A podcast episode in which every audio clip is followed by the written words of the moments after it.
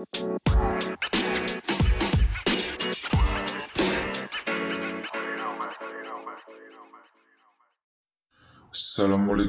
warahmatullahi wabarakatuh. Kali ini Medeni Podcast akan membahas tentang mitos legenda ilmu Pancasona atau disebut dengan ilmu Rawa Rontek yang dikuasai oleh seorang pendekar yang bernama Joyo Dikdo. orang di zaman dahulu banyak sekali terkenal sakti mandraguna. Sesakti-sakti orang dahulu tetap akan mati juga dengan cara yang ikhlas atau kalah dengan cara orang yang lebih berilmu. Ada ajian yang sangat terkenal dan sangat kuno yang bernama Pancasona atau Rawa Rontek. Dikisahkan ilmu Pancasona ini sangat-sangat kuat dan sulit untuk dikuasai. Meskipun dengan cara tirakat, puasa, apa pun itu yang dilakukan, tapi belum tentu rawa rontek bisa dikuasai atau ilmu Pancasona bisa dikuasai dengan mudah. Tahayal banyak orang yang ingin menguasai ilmu Pancasona, tapi berakhir tragis dan berakhir meninggal dengan tidak wajar karena kalah atau tak bisa menguasai ilmu Pancasona. Dikisahkan di daerah Yogyakarta, Yogyakarta Kulon Progo di saat itu, daerah tersebut terjadilah peperangan yang sangat hebat. Dan lahirlah seorang yang bernama Pawatiman Joyo Dikdodo dari daerah barat Yogyakarta tanggal 28 Juli 1827 dari sang ayah Pati Raden Tumenggung Karto Turwijo. Adipati Ketah Kulon Progo. Kulon Progo yang berbasis terkuat. Kulon Progo berbasis di daerah tersebut sangat sangat banyak dengan karir sang ayah yang saat itu pati dan sangat disegani di daerah Kulon Progo. Saat peperangan terjadi, Pangeran Penogoro menangkap rajanya dan karir ayah dari Joyo Digdo berakhir karena meninggal dan tertangkap. Dikala itu Joyo Digdo harus mandiri karena kehilangan seorang ayah karena kekalahan keraton atau kekalahan kerajaan Pati yang dibawahi oleh ayah Joyodikdo, Joyodikdo terpaksa untuk mandiri.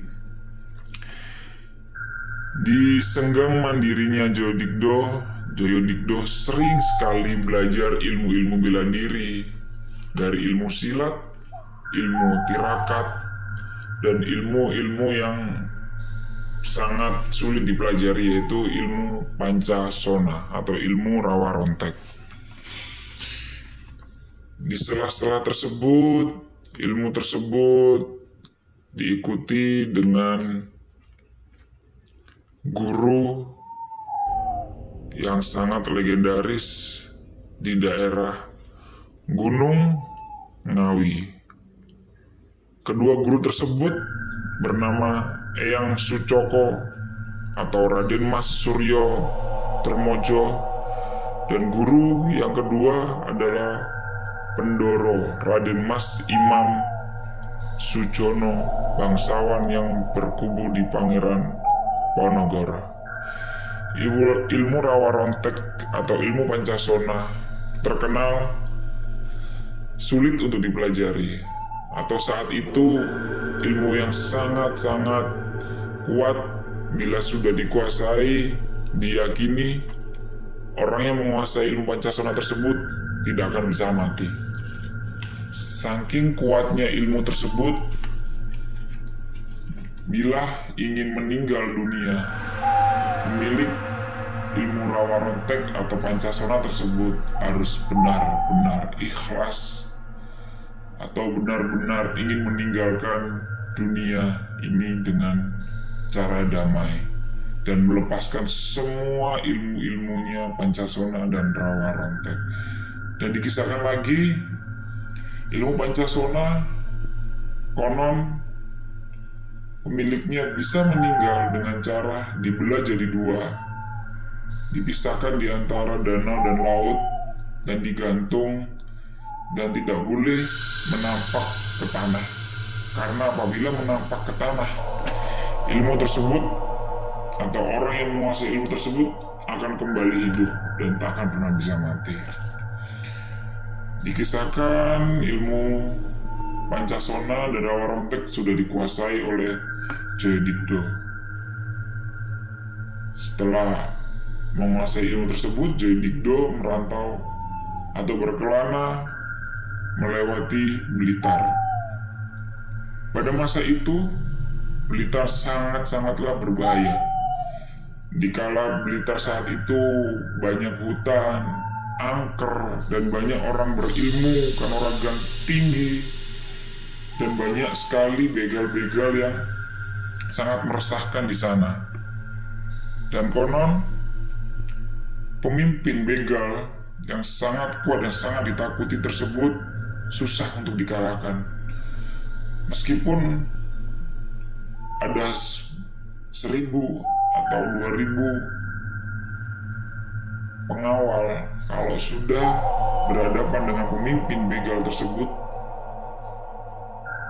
semuanya akan teratasi karena pimpinan begal memiliki ilmu ilmu kanuragan yang cukup tinggi di daerah Blitar tersebut. Di situ, Joyo Digdo merasa ragu atau merasa terganggu dengan hadirnya begal-begal yang sangat meresahkan.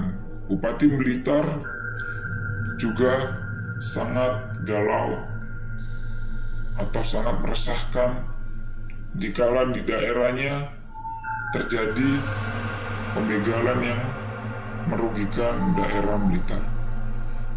Jodikdo setelah itu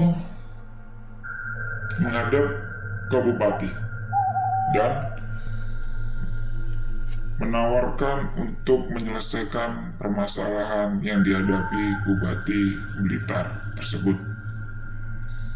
Setelah Joyodikdo turun tangan di Blitar dengan ilmunya Pancasona dan Rawa Rontek tak ada satupun orang yang takut tak ada satupun orang yang mampu untuk melawan Joyo Dikdo sekelas pemimpin begal yang mempunyai ilmu kanuragan yang sangat tinggi pun tidak mampu melawan Joyo Dikdo karena kekuatannya dan karena kepintarannya, Joyo Digdo diangkat oleh Bupati Blitar menjadi Pati di Blitar. Ada salah satu kekuatan yang sangat dikagumi oleh Bupati Blitar. Di kala itu, gunung di salah satu Blitar meletus dan mengeluarkan lahar yang sangat banyak dan sangat besar mengarah ke kota Blitar. Dengan sigapnya, Joyo Dikdo mengeluarkan pusaka yang bernama Pecut Sawan Diman. Setelah dipecutkan di lahar tersebut, laharnya membelah menjadi dua. dan selamatlah kota Blitar dan sekitarnya. Dikisahkan lagi, Coy Dikdo setelah menjadi pati, Coy Dikdo menikahi wanita di daerah di sana dan memiliki sekitar 30 anak dengan empat orang, empat wanita atau empat istri. Joyo Dikdo yang terkenal kesaktiannya yang terkenal sangat dikagumi di sana sudah menginjak umur 82 tahun dan di menginjak umur tersebut Joyo Dingdo merasa kematiannya sudah dekat dan merasa ikhlas untuk melepaskan ilmu-ilmunya dan dan kembali ke alam yang abadi yaitu kematian.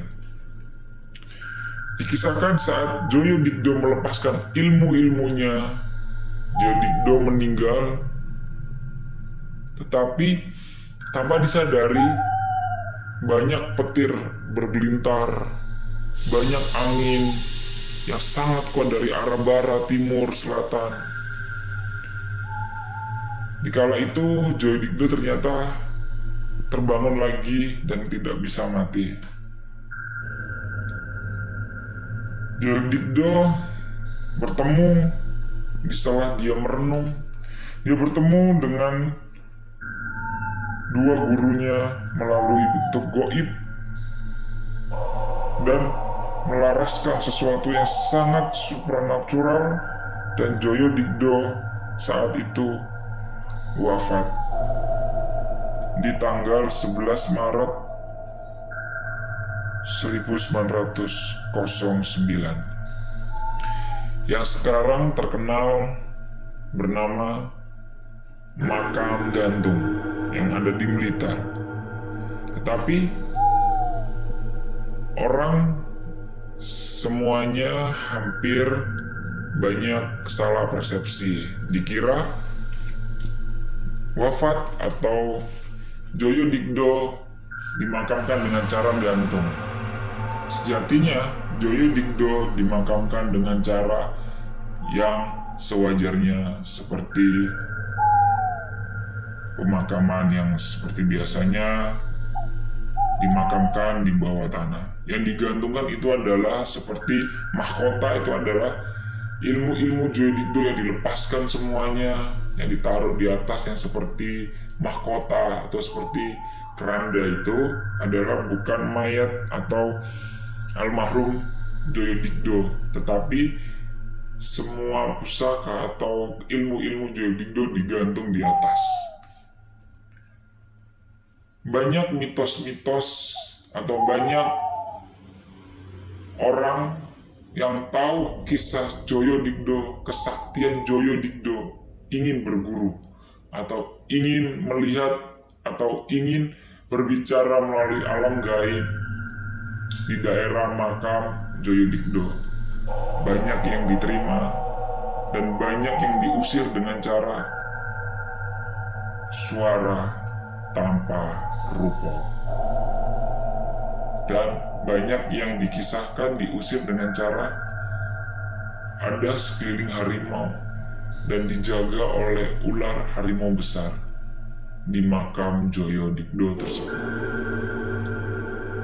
Seperti itu, kilas kisah si pendekar pendekar tangguh Joyo Dikdo, penguasa atau pemilik ilmu terakhir Pancasona Rawarontek. Yang mati, yang hidup, semuanya akan kembali ke alamnya. Sekuat apa pun itu, sehebat apa pun itu, semua akan kembali ke penciptanya. Ini hanya dongeng semata, bisa dipercayai, silakan. Bisa dibuat sejarah untuk kalian yang ingin mengetahui sejarah Jawa, salah satunya tokoh yang sangat terkenal, yang sangat berjasa di daerah Blitar, Joyo Dikdo bisa kalian ke makam Joyo Dikdo untuk sekedar berdoa karena jasa-jasanya yang sangat luar biasa. Seperti seperti itu aja dari saya. Terima kasih sudah mendengarkan Medeni Podcast. Untuk saran, silakan kalian chat, komen, atau hubungin saya. Untuk kalian yang ingin bercerita tentang apa pun itu, silakan hubungi saya, kita bisa komunikasi bareng. Terima kasih. Salam dari saya, Medeni Podcast.